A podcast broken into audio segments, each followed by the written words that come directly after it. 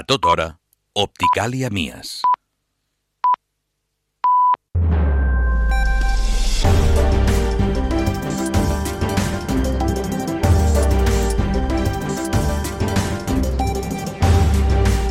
Dimecres 10 de gener de 2024, avui el sol també ha sortit a les 8 i 16 del matí, però es pon un minut més tard que ahir, a les 5 i 38. Comencem amb els titulars.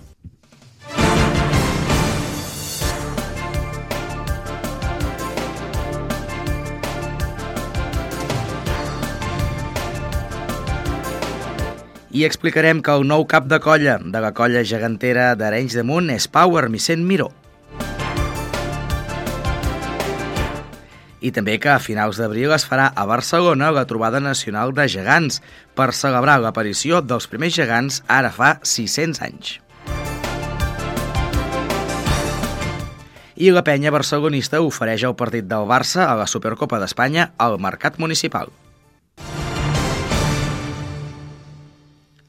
Doncs vinga, comencem. Pau Casals, bon dia. Bon dia, Oriol.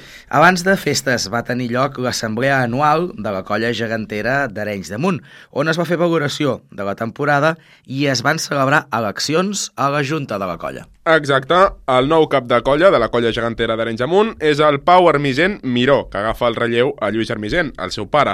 Les persones que conformaran la nova junta que acompanyarà el nou cap de colla són en Pau González, l'Adrià Santa Creu i en Jaume Sant Jaume. L'entitat afirma que comencen una nova etapa amb molts projectes i moltes novetats importants, de les quals ben aviat en volen explicar novetats. Doncs a veure si avui ja en podem saber alguna de novetat i per això tenim aquí a l'estudi el Pau, el Pau Armicent Miró, cap de colla dels geganters d'Arenys de Munt. Pau, bon dia.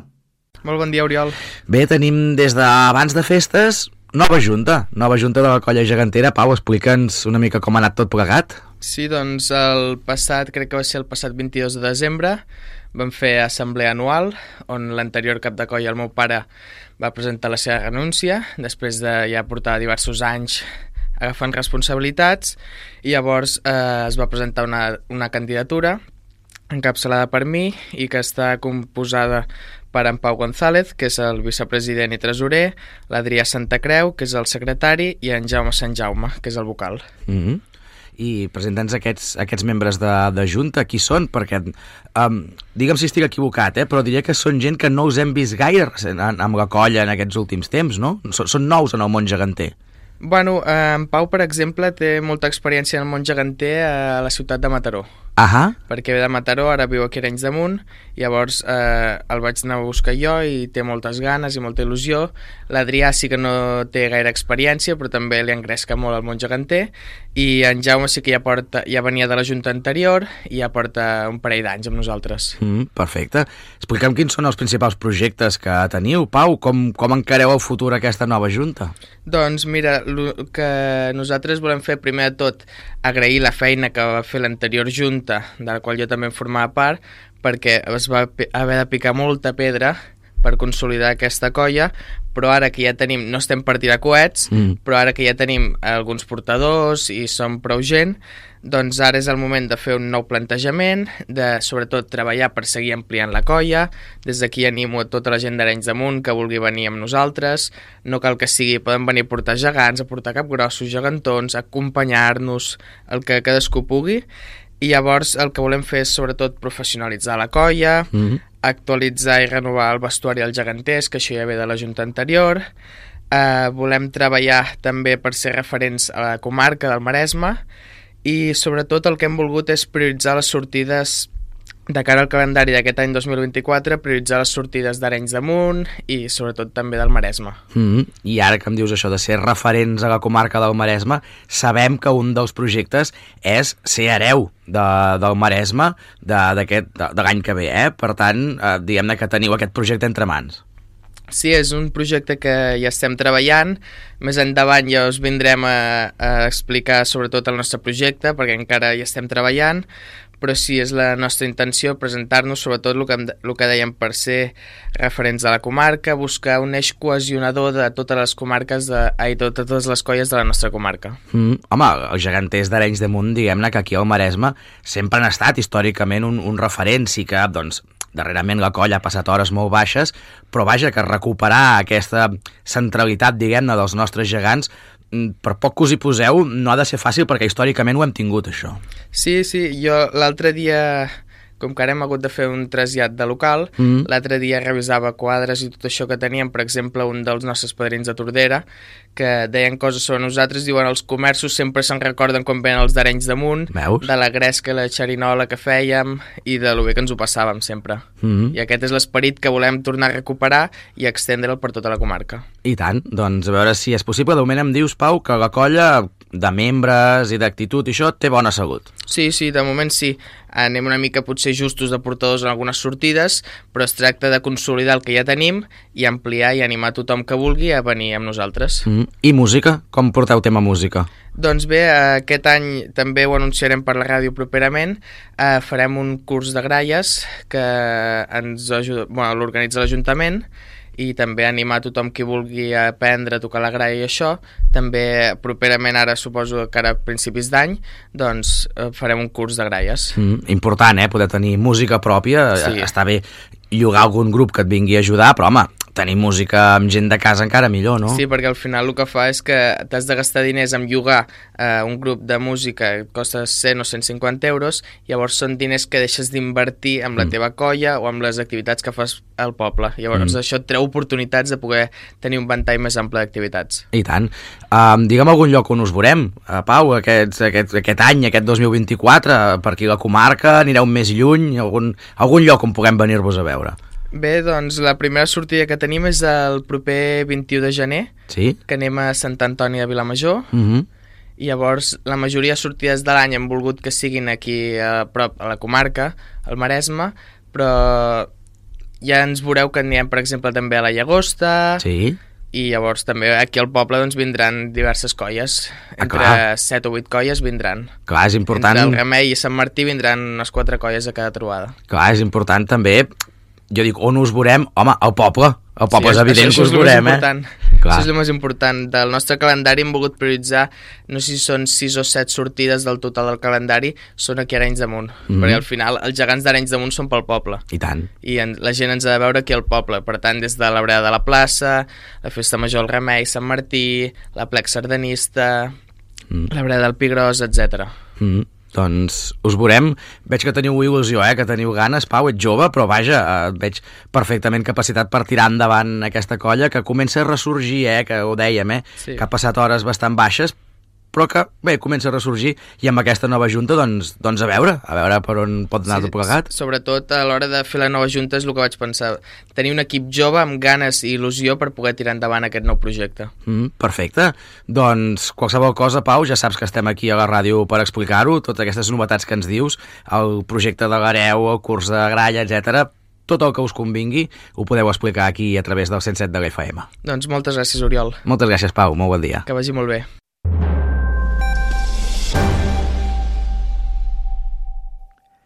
I una trobada gegantera a la qual Arenys de Munt no té previst anar-hi, però que sí que val molt la pena, val molt la pena saber-la i conèixer-la. És una trobada que es farà a finals d'abril a Barcelona, una trobada nacional per celebrar els 600 anys dels gegants de la ciutat de Barcelona. Sí, exacte. Des de l'agrupació de colles geganteres de Catalunya i la coordinadora de colles geganteres de Barcelona organitzen la trobada nacional que tindrà lloc el proper diumenge 28 d'abril de 2024 a Barcelona per celebrar els 600 anys de gegants al país. L'acte compta amb el suport de l'Ajuntament de Barcelona, la Diputació de Barcelona i la Generalitat de Catalunya.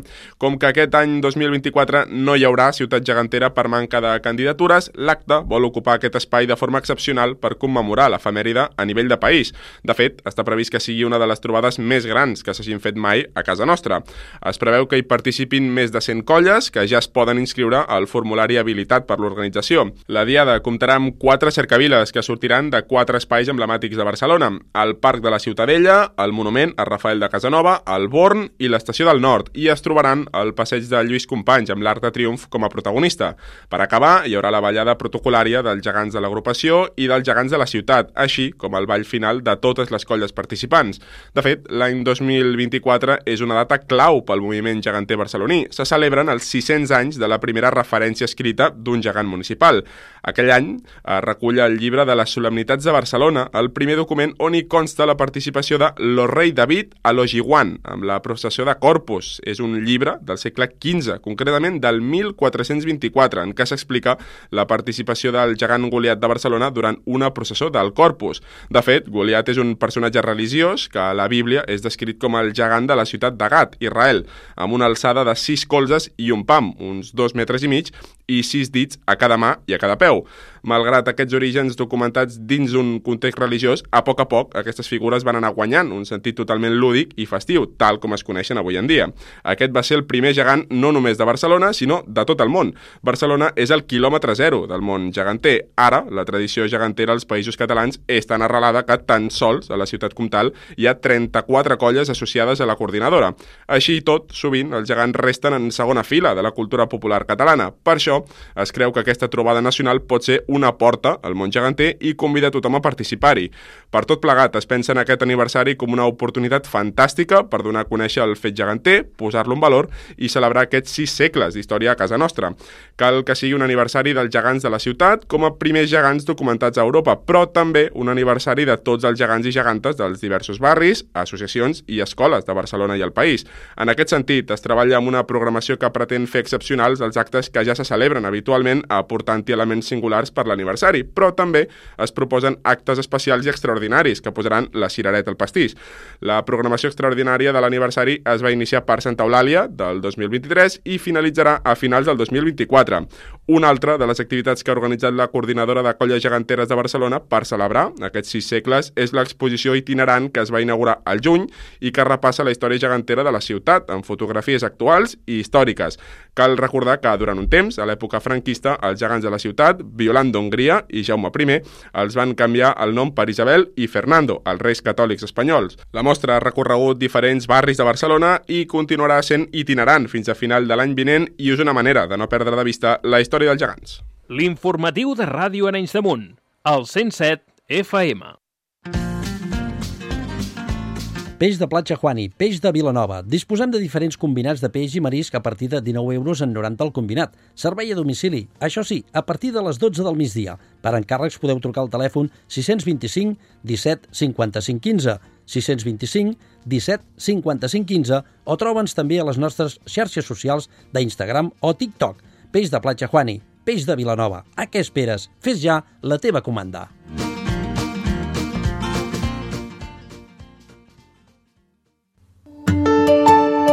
Montsalut us ofereix servei de fisioteràpia i osteopatia per tractar dolors musculars i articulars, lesions esportives, dolors o lesions de columna, cefalees, migranyes i vertígens, tractament de disfuncions de l'articulació temporomandibular. Tenim servei d'osteopatia pediàtrica per tractar els petits de la casa. Informa't de les classes de ioga i de reeducació postural. I ara també servei d'acompanyament terapèutic per adults. Tens dificultats per gestionar problemes? Malestar emocional? Aquí tens un espai per tu. Montsalut. Ens trobareu al carrer Sant Antoni Maria Claret 10. El nostre telèfon és el 687 75 19 20. 687 75 19 20. Montsalut cuida de la teva salut.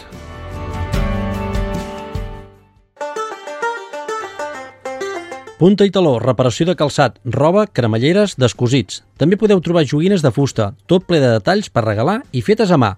I si tens una idea, vine i la farem realitat. Som a la Riera i Penya 15 d'Arenys de Munt. Telèfon 639 21 32 82. Punta i taló. cos nou amb la lliçó més apresa. Vine a la clínica dental d'Antoni Pitarca Illa i gaudeix d'importants ofertes. La teva boca t'ho agrairà. Som especialistes en pròtesis removibles, fixes i ortodòncia per nens i adults. Gaudeix d'importants descomptes. Primera visita més neteja de boca, 30 euros. I pels nens, un tractament de fluorització gratuït per enfortir les dents. Antoni Pitarque. Estem al carrer Panagall número 9 d'Arenys de Munt. Telèfons 937937109 o 652 818091. Pressupostos sense compromís. Obert totes les tardes de 4 a 8. Clínica Dental d'Antoni Pitarca Illa. La teva boca t'ho agrairà. Ràdio Arenys de Munt. 107 FM. Tornem a l'informatiu després d'aquesta petita pausa que hem fet per la publicitat. Parlem del Barça, perquè demà el Barça disputa la segona semifinal de la Supercopa d'Espanya. S'enfrontarà a l'Ossassuna i el partit es podrà veure al Mercat Municipal gràcies a la penya barcelonista. Sí, el Barça buscarà el bitllet per la final de diumenge al KSU Stadium de Riyadh, on ja l'estaran esperant el Real Madrid o l'Atlético de Madrid, que disputen avui la primera semifinal. El conjunt de Xavi Hernández buscarà el primer títol de la temporada en un moment complicat pels blaugranes. Xavi ha fet una convocatòria àmplia de fins a 25 jugadors, incloent-hi 3 que no tenen l'alta mèdica, Pedri, Cancelo i Íñigo Martínez. Així, mentre aquest últim no sembla tenir opcions de jugar, el canari i el portuguès sí que tenen opcions, sobretot si el Barça es classifiqués per la final. El contracte per fer la Supercopa d'Espanya a l'Aràbia Saudita es va firmar el 2019 de la mà de l'expresident de la Real Federació Espanyola de Futbol, Luis Rubiales, i té vigència fins al 2029. 40 milions d'euros per la Federació Espanyola que reparteixen principalment entre Barça i Madrid. El Barça rep 6 milions d'euros per participar-hi, 1,5 milions en cas de guanyar, 1 milió d'euros si és finalista i 750.000 euros si cau a semifinals. Uns diners molt valuosos per un Barça que ha prioritzat les necessitats financeres del club per davant de la defensa dels drets humans. Serà el quart any que la Supercopa d'Espanya es juga a l'Aràbia Saudita, una competició tacada pels interessos econòmics que comporta la Federació Espanyola i els clubs i el consegüent blanquejament de la vulneració de drets que hi ha en aquest país del Golf Pèrsic. La contradicció que suposa jugar a l'Aràbia Saudita s'ha fet evident mitjançant les recomanacions que el Barça ha fet arribar als seguidors que viatgin a Riad. Respecte i prudència en les demostracions d'afecte i motiu de sanció, les relacions entre persones del mateix sexe. A la seva web, l'entitat blaugrana ha publicat un llistat de recomanacions que han aixecat molta polseguera. No per desconeixement, ja que els viatges del Barça a l'Aràbia Saudita s'estan convertint en habituals i la falta de drets de les dones i el col·lectiu LGTBI són ben sabuts, sinó per com d'explícitament el club proposa un consells que xoquen frontalment amb els valors i estatuts del Barça. Es tracta de recomanacions de seguretat que han preparat el Futbol Club Barcelona i la Real Federació Espanyola de Futbol seguint instruccions de l'ambaixada espanyola a Riad per tots aquells socis, sòcies i penyistes que es desplacin per donar suport a l'equip. Diu que recomana tenir respecte i prudència en els comportaments en públic i demostracions d'afecte, el comportament indecent, incloent qualsevol acte de caràcter sexual, podria tenir conseqüències legals pels estrangers. També poden ser motiu de sanció les relacions entre persones del mateix sexe i les mostres de recolzament al col·lectiu LGBTI inclòs en xarxes socials. L'Aràbia Saudita és un dels tres països del món amb més execucions per pena de mort segons dades d'Amnistia Internacional. A la monarquia de Mohammed bin Salman hi regeix el sistema de tutela masculina que implica l'aprovació de l'home per la majoria de decisions a la vida de la dona i les relacions entre persones del mateix sexe estan condemnades en presó. També les mostres a xarxes socials o la defensa dels drets del col·lectiu. Un exemple amb ressò internacional és la detenció del yemenita Mohamed Al-Bukhari, condemnat a 10 anys de presó per publicar un vídeo en què defensava la llibertat personal de les persones LGTBI. De fet, la polèmica va arribar el mateix dia en què el Barça ha presentat una campanya que posa el focus en els drets vulnerats de milions de persones coincidint amb el 75è aniversari de la Declaració Universal dels Drets Humans, una mostra més de la contradicció que suposa pel club. L'Aràbia Saudita està exprement l'esport com una arma geopolítica, temptant estrelles mundials de la seva lliga i acollint competicions com el Dakar 2024 o la mateixa Supercopa d'Espanya. Un clar exemple del que s'anomena sports washing o blanquejament esportiu, és a dir, organitzar esdeveniments esportius per desviar l'atenció i millorar la reputació d'un país farcit de vulneracions. De tot plegat, però sobretot de la part esportiva, en parlem immediatament amb el president de la penya, Miquel Lledó. Molt bon dia. Dia, bon dia, tingueu. Bé, doncs avui arrenca aquesta Supercopa d'Espanya que es disputa a Riad, Aràbia Saudí. El Barça ho farà demà en aquesta semifinal que farà davant Osasuna. Bé, Miquel, abans de res, de preguntar-te una mica quin paper espereu de, del Barça en aquesta competició, um, doncs confirmar que aquest partit de demà del Barça l'oferireu en el mercat, no? Sí, sí, sí, no passa que, que què farem i què esperem, esperem el millor, lògicament, no? Però realment, vist lo visto, doncs, eh, eh, la veritat és que doncs, una mica de desencís hi ha, no? Perquè doncs, realment no es veu un, un, joc, ja no dic normal ni espectacular com d'allò, no? sinó una mica doncs, tot plegat, no? que veus que hi ha una, com una desídia, per dir alguna cosa, que Sí. dius, fa, fa- falta una, una, una marxa, falta una voluntat, falta una, una predisposició, crec jo, no? tot plegat, no? que no només, no només és culpa d'un ni d'un ni de l'altre, no és que és tot en general que no, no, no va per alguna cosa que, que, que, que transcendeix però no sabem, no? Vull dir que aquest és el problema, no? que a més de, de, de, l'esportiu, que aquí ja s'ajunten moltes més coses, crec jo, eh? perquè és que si no, no s'entén. Mm. No s'entén que uns jugadors la gran majoria doncs, tenen un nivell que evidentment no podem anar a buscar el nivell d'anys enrere, això ja, ja ho sabem, no? Perquè Messi sí. i companyia, però sí d'un nivell una mica més raonable, no? Aquest, com, com a jocs, llavors guanyarem o perdrem, però si més no fot un joc més, més amable, més maco, que es vegi jugar a futbol, no? perquè últimament Sí. realment és, eh, si l'ensempega l'endevino, vull dir que aquest és el, el tema, no? Mm. No, és evident que en el, en, el, en el futbol pot passar a tot, a tots els partits, però sí que dona la sensació, Correcte. no?, que, que el Barça últimament el, pot guanyar qualsevol equip. El Barbastro mateix, la setmana passada, no? Sí, sí, sí, però tot i així, tornem al mateix, eh? La imatge que es dona i tot plegat, no, no, però és que tot i així, el Barça només ha perdut els partits que ha perdut, Sí. eh, són 3 o 4, Mm. eh, i llavors, a més a més, vull dir que, que som els tercers de la Lliga, vull dir que, clar, vull dir, sí, home, aquell juga molt bé, bueno, però esclar, també el, el que ens en recordarem d'aquí 20 anys, eh, si, si som que esperem que sí, per dir una manera, és el fet que dius, bueno, vam quedar primer, segon o tercer, vam guanyar la Lliga, que mm. l'any passat no havíem de fer res fa dos anys, i vam guanyar la Lliga, vull dir que eh, és allò que dius ben bé que doncs, eh, d'un dia a l'altre, això que et deia, que no, no, no és que siguin mm, una cosa o dues, són moltes coses que pel que sigui, doncs, bueno, ara agafes la inèrcia positiva i pel que sigui hi ha més ganes o hi ha més bona predisposició, més bones intencions i doncs no es posen bé les piles i llavors les coses fan un tomb, no?, per dir alguna cosa, Mm. i llavors és quan passen aquestes coses, com pot ser possible? Ai, si ho sapiguéssim, ja seríem la, la pera en patinet, no? Sí, i tant. Algo, vull dir que, que d'això, no? Jo... Esperem, esperem molt millor, no?, de poder, doncs, eh, seria molt bo de poder guanyar, no?, perquè, evidentment, jugarem contra un Madrid o algun o l'altre, no? Sí. I això, això ja et dona una, un plus, no? Doncs tenim molts respectes a l'Ossassuna, evidentment, que primer hem de guanyar l'Ossassuna, està Sí. clar, no? Però vull dir que no es pot faltar respecte a ningú, no? Però, esclar, no és el mateix guanyar una final amb, amb un Madrid, si un o sigui l'altre, evidentment, si és un millor que l'altre, i tots sabem ja que és això, Mm. que no passa a qualsevol altre equip, no? Però, bueno, dic, primer hem de guanyar l'Ossassuna, que és, eh, és l'important, i després la final, doncs, bueno, que diem, hem arribat a la final que hem guanyat o no, evidentment el que se'n recorden sempre és del que ha guanyat, no? però també s'hi ha d'arribar primer, eh? vull dir que és el que deia. Mhm.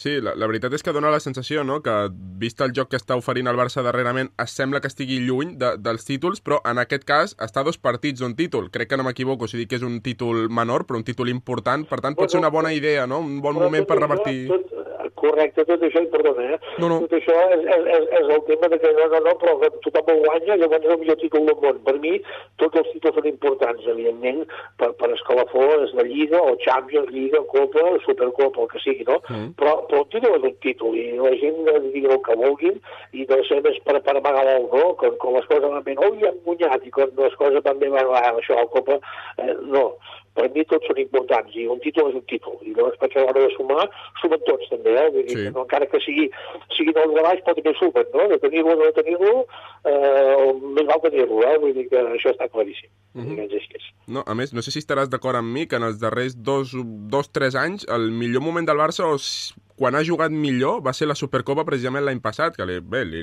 va, va fer un repàs en el Madrid a la final, va ser descomunal. Sí, sí, sí, sí, sí, vull dir que també és el que diem, i això ha passat sempre, eh, no d'ara, eh, de, de, en aquestes circumstàncies, no? de que normalment en partits així també són, són connotacions diferents, són Mm. ambients diferents, la, la, la, la, la, la pressió també és una altra, és, és, és tot una altra cosa, vull dir que per això canvien tant els partits, no? perquè d'una manera doncs, és més difícil jugar contra un Bambastro, o el Barbastro que vam jugar aquest dia, Sí. que no pa, o que podem anar doncs, en, en breu a Salamanca, allà on Mm, sí. em sembla que hi havia anat jo alguna vegada també, també per Copa o alguna cosa, Mm. i, i, i dius eh, aquests partits són més complicats perquè doncs, eh, el camp, encara Mm. que doncs, eh, són professionals i han d'explicar això tot arreu, però les connotacions, la, la, el tema de la, la, la, la, la, la, o sigui, la, la, la pressió que et puguis tenir o, o, o, ara em surt la, la paraula adequada no? per poder la, la, la motivació Sí, no? exacte. que, que no, no, és, no és la, ja dic, amb tot el respecte de tothom sempre, eh? sense falta de ningú, no és la mateixa ni molt menys, no? Mm. I llavors et poden fer un partit que dius com és possible que la setmana passada vam arribar a fotre el riure, per dir-ho manera, i aquesta setmana farem un partidatge i guanyem la, la Supercopa o la Copa que sigui, no? Mm. Eh, això hi ha sigut sempre, eh? Vull dir, Sí. no, no, dic a, a tot la raó, a tot la raó. Mm, és la gràcia d'aquest esport, també, i tant. Mhm. Sí, exacte, també és la gràcia, lògicament, vull dir que és així. Mm.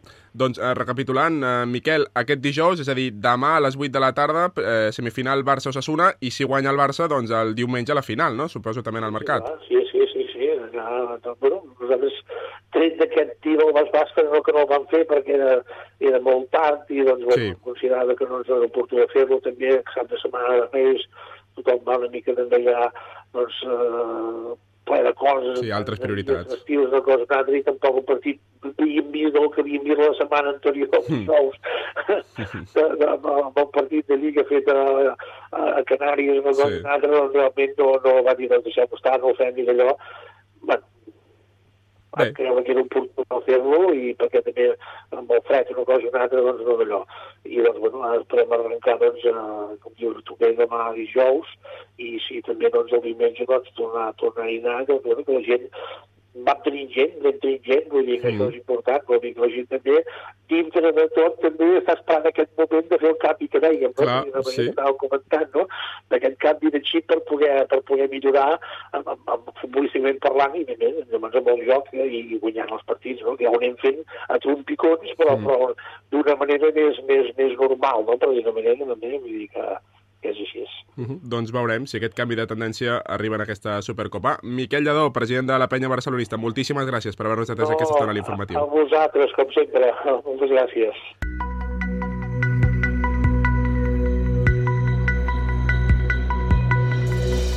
I ara ja anem pel temps. Mentre esperem les pluges, escoltarem el meteoròleg del Consell Comarcal, Joaquim Serra, que ens portarà la previsió del temps per als propers dies. També de cara a demà continuarà plovent, sobretot de cara el que és el mig matí, migdia i primeres hores de la tarda. El volum de pluja acumulada no serà molt important, però sí que puntualment podem fregar els 20 litres per metre quadrat, especialment cap a la zona del Maresme Nord, que és on esperem les precipitacions més destacables en aquest episodi de pluja. Pel que fa als vents, de moment avui fluixos, eh, la situació marítima però s'ha d'anar alterant a mesura que avancin les hores i aquesta nit ja tindrem àrees de forta maró a bona part de la costa maresmenca i el de cara a demà es mantindrà aquesta forta maró amb vent moderat de gregal. No serà un vent fort, no superarà el llindar d'alerta, però sí que notarem demà el vent del nord-est que bufarà doncs, això, amb moderada intensitat i que mantindrà la situació marítima una mica alterada amb aquesta forta maró que predominarà, com dèiem, a tot el litoral maresmenc. Les temperatures aquesta passant nit han pujat les mínimes a conseqüència de l'augment dels núvols. Les màximes d'avui es mantindran a la serrada litoral i baixaran a la costa, on ahir eh, van pujar una miqueta més, mentre que eh, de cara a demà, si fa no fa, es mantindran com les d'avui les màximes, les mínimes podrien pujar una miqueta més. De cara a divendres s'allunya ràpidament la pertorbació, com a molt, a primeres hores del dia quedaran alguns núvols que marxaran, com dèiem, de forma ràpida i donarà pas a un ambient completament assolellat, amb unes temperatures que divendres baixaran durant la nit, però es recuperaran durant les hores centrals del dia.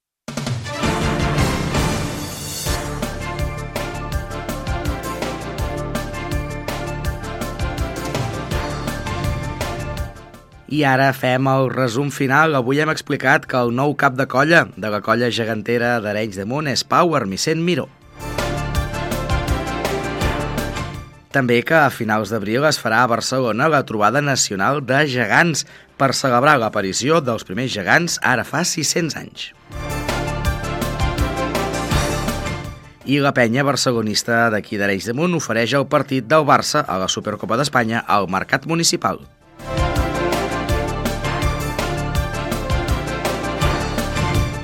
I fins aquí l'informatiu de Ràdio Arenys de Munt d'avui. Pau, doncs moltes gràcies i fins demà. Gràcies, Oriol. Fins demà. Més informació a la pàgina web de Ràdio Arenys de Munt i a les nostres xarxes socials, Facebook i Instagram. Que passin, doncs, un bon dia. Adéu-siau.